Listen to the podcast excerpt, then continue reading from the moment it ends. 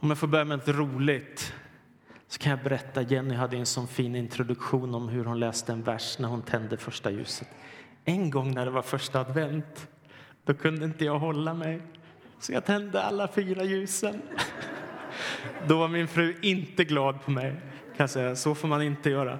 Så det var ingen rekommendation till er som är män här, men det, så gjorde jag en gång. Det har inte blivit tradition då kan jag säga. I Matteus evangeliets tolfte kapitel, i den 21 versen, så står det om Jesus. Och hans namn ska ge folken hopp. Och hans namn ska ge folken hopp. De här orden kommer ifrån profeten Jesaja. Och Jesaja levde 700 år före Kristus och han hade en syn framför sig av vad Gud skulle göra i framtiden om hur han skulle sända Messias, den som Gud hade utlovat för att ge världen hopp och räddning och frälsning. Nu har det gått 2000 år till och fortfarande är namnet Jesus det namn som flest människor i världen sätter sitt hopp till. I alla världsdelar finns namnet Jesus sjunget om, skrivet om, predikat om. Överallt i vår värld talar man om Jesus. Han ger folken hopp. När Jesus en dag kom inridande i Jerusalem så var det just av den anledningen att han skulle fullborda det som Gud hade förutsagt för länge, länge sedan. Det som profeterna hade talat om i Gamla testamentet. Och Jesus gör det på det allra mest dramatiska sätt man kan tänka sig.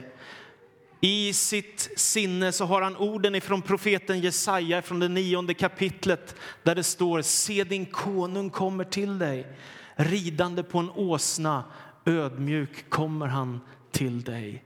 Ytterligare en bild av Messiasgestalten som ska komma för att ge hopp till världen. Det gjorde Jesus. Och när Jesus rider in mot Jerusalem så står det att folken skar kvistar av träden och så stod de och viftade av glädje och de la ut sina mantlar på vägen där Jesus kom ridande på åsnan. Och så ropade man med hög röst Hosianna, Davids son, välsignade han som kommer i Herrens namn. Varför gjorde man det? Jo, för man visste att nu kommer Messias. Nu är han här och han rider in i Jerusalem på en åsna precis som profeten Sakarja hade förutsagt. Han kom för att ge människor hopp. Och det är precis exakt samma sak som är kyrkans, församlingens uppdrag. Det är att ge människor hopp. Och varför finns församlingen, kyrkan till? Jag kan svara med en mening. Att återspegla Jesus i världen. Det är allt vad församlingen handlar om. Och när vi inte gör det så är det en tragedi, men det är det som är vår kallelse. I onsdags var jag i Stockholm och det är nu jag kommer till den här. Jag skulle träffa ett antal intressanta ledare och vi skulle sitta och samtala och be. Men på vägen dit när jag kliver av tåget och stiger av i stationen vid T-centralen i Stockholm så ser jag det här, och det har ni sett allihop, fast kanske i Karlstad och på andra ställen. Och ni kanske har sett det i Stockholm också. Människor som sitter med en pappersmugg framför sig och tigger om pengar. Och det gjorde förtvivlat ont den här gången, för den här gången så var det inte bara som här i Karlstad att man ser människor med en mugg så här som sitter och tigger pengar. Utan den här gången, den första tjejen jag såg precis när jag kom ut från stationen vid T-centralen var en tjej som kanske var 20 år gammal som satt där ute, det var två plusgrader om jag minns rätt, jättekallt, där sitter hon med lite kläder på sig, någon mössa och försöker hålla värmen. Och så har hon skrivit en lapp på stapplig svenska där det står jag har inte några pengar och jag har inte råd att resa hem till mitt land. Kan du ge mig någonting? Ungefär så. Så går jag en stund vidare, kommer in på Drottninggatan i Stockholm där säkert de flesta av er har vandrat några gånger.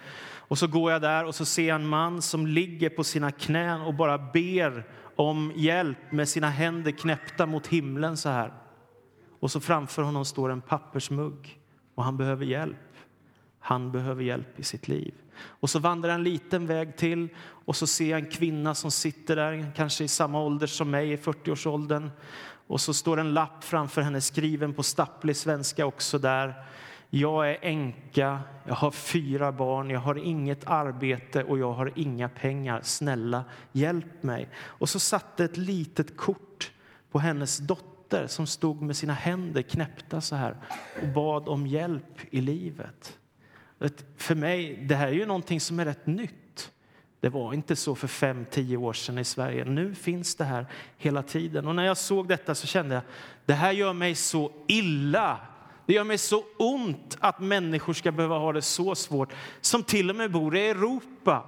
Det är inte människor som kommer från ett u-land och inte har något, utan detta är människor som bor i Europa, som har det så fruktansvärt svårt att de beger sig hit för att sitta och tigga pengar på gatorna. Om någon skulle fråga mig, eh, hur växte du upp? Hur hade du det när du var liten? Då kan jag svara att jag är en av de här tursamma människorna. Min pappa var egen företagare, han var en driven entreprenör, han tjänade gott om pengar. Jag hade det jättebra. Så kan jag svara. Nu kommer det i Europa växa upp massor av människor, unga barn och ungdomar som kommer få säga när någon frågar vad gjorde din mamma eller din pappa?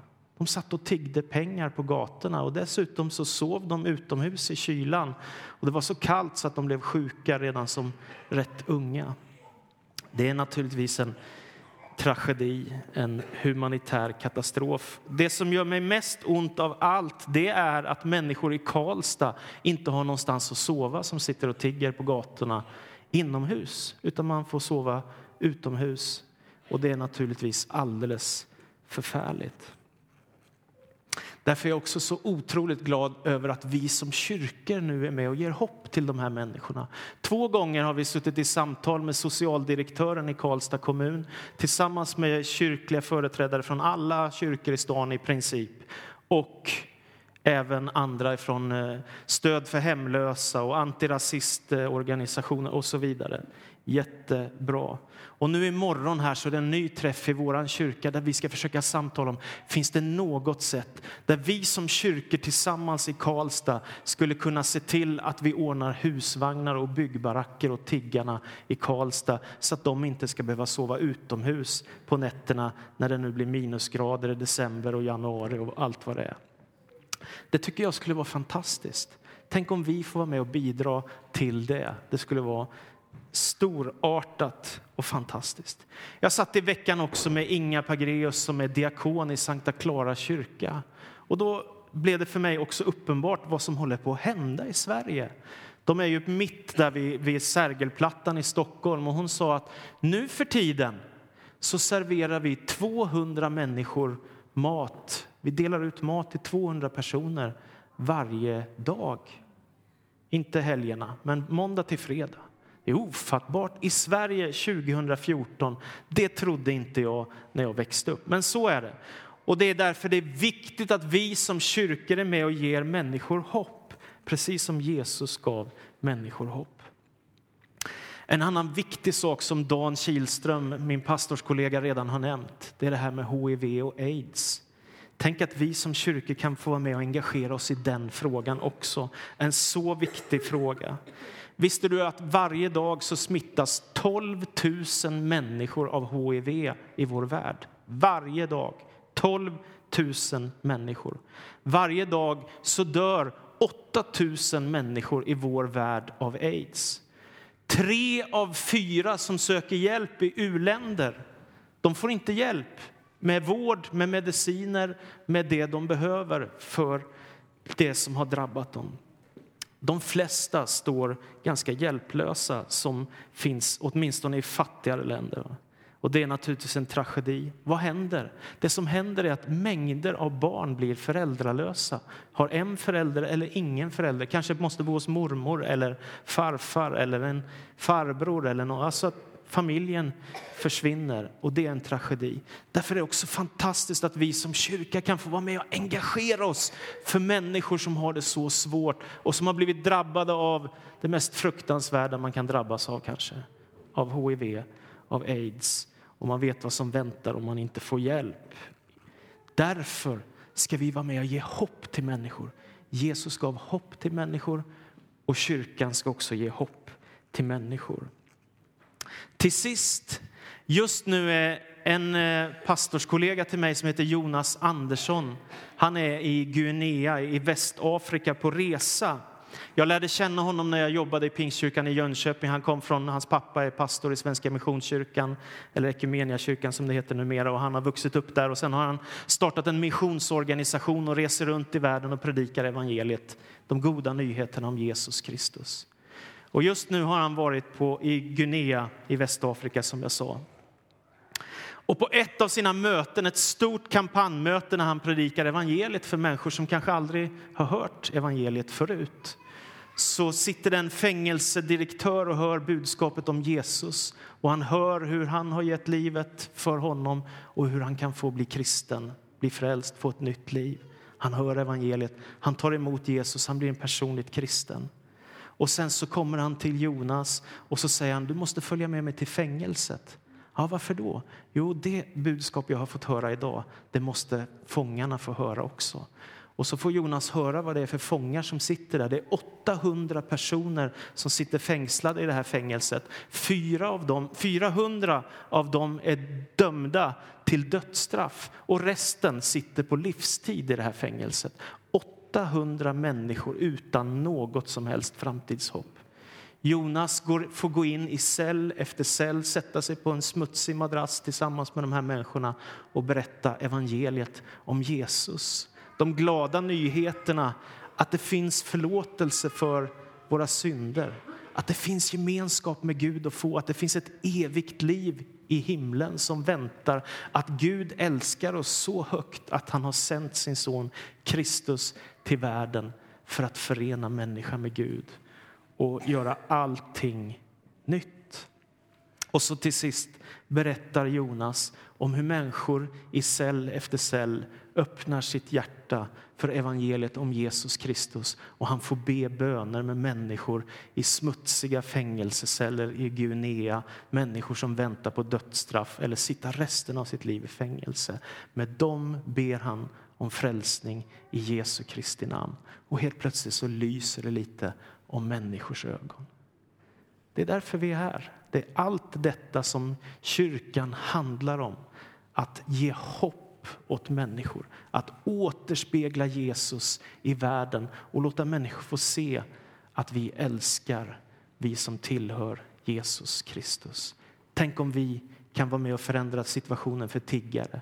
Tänk om vi kan få vara med och rädda livet på några människor i Kenya så att de slipper få hiv och aids. Tänk om vi kan få ge budskapet om Jesus till dig så att du kan öppna ditt hjärta för evangeliet och ta emot honom som din frälsare. Låt oss be. Så tackar vi dig Jesus Kristus för de goda nyheterna och den här söndagen när vi sjunger Hosianna, välsignad är du som kommer i Herrens namn, så vill vi också få öppna våra hjärtan mot detta ofattbara glädjebudskap som det är. Att du älskar oss, att du vill vårt allra bästa och att du har kommit för att förvandla människors liv och ge människor hopp. Låt ljuset från evangeliet få lysa över oss alla. Det ber jag om i Faderns och Sonens och den helige Andes namn. Amen.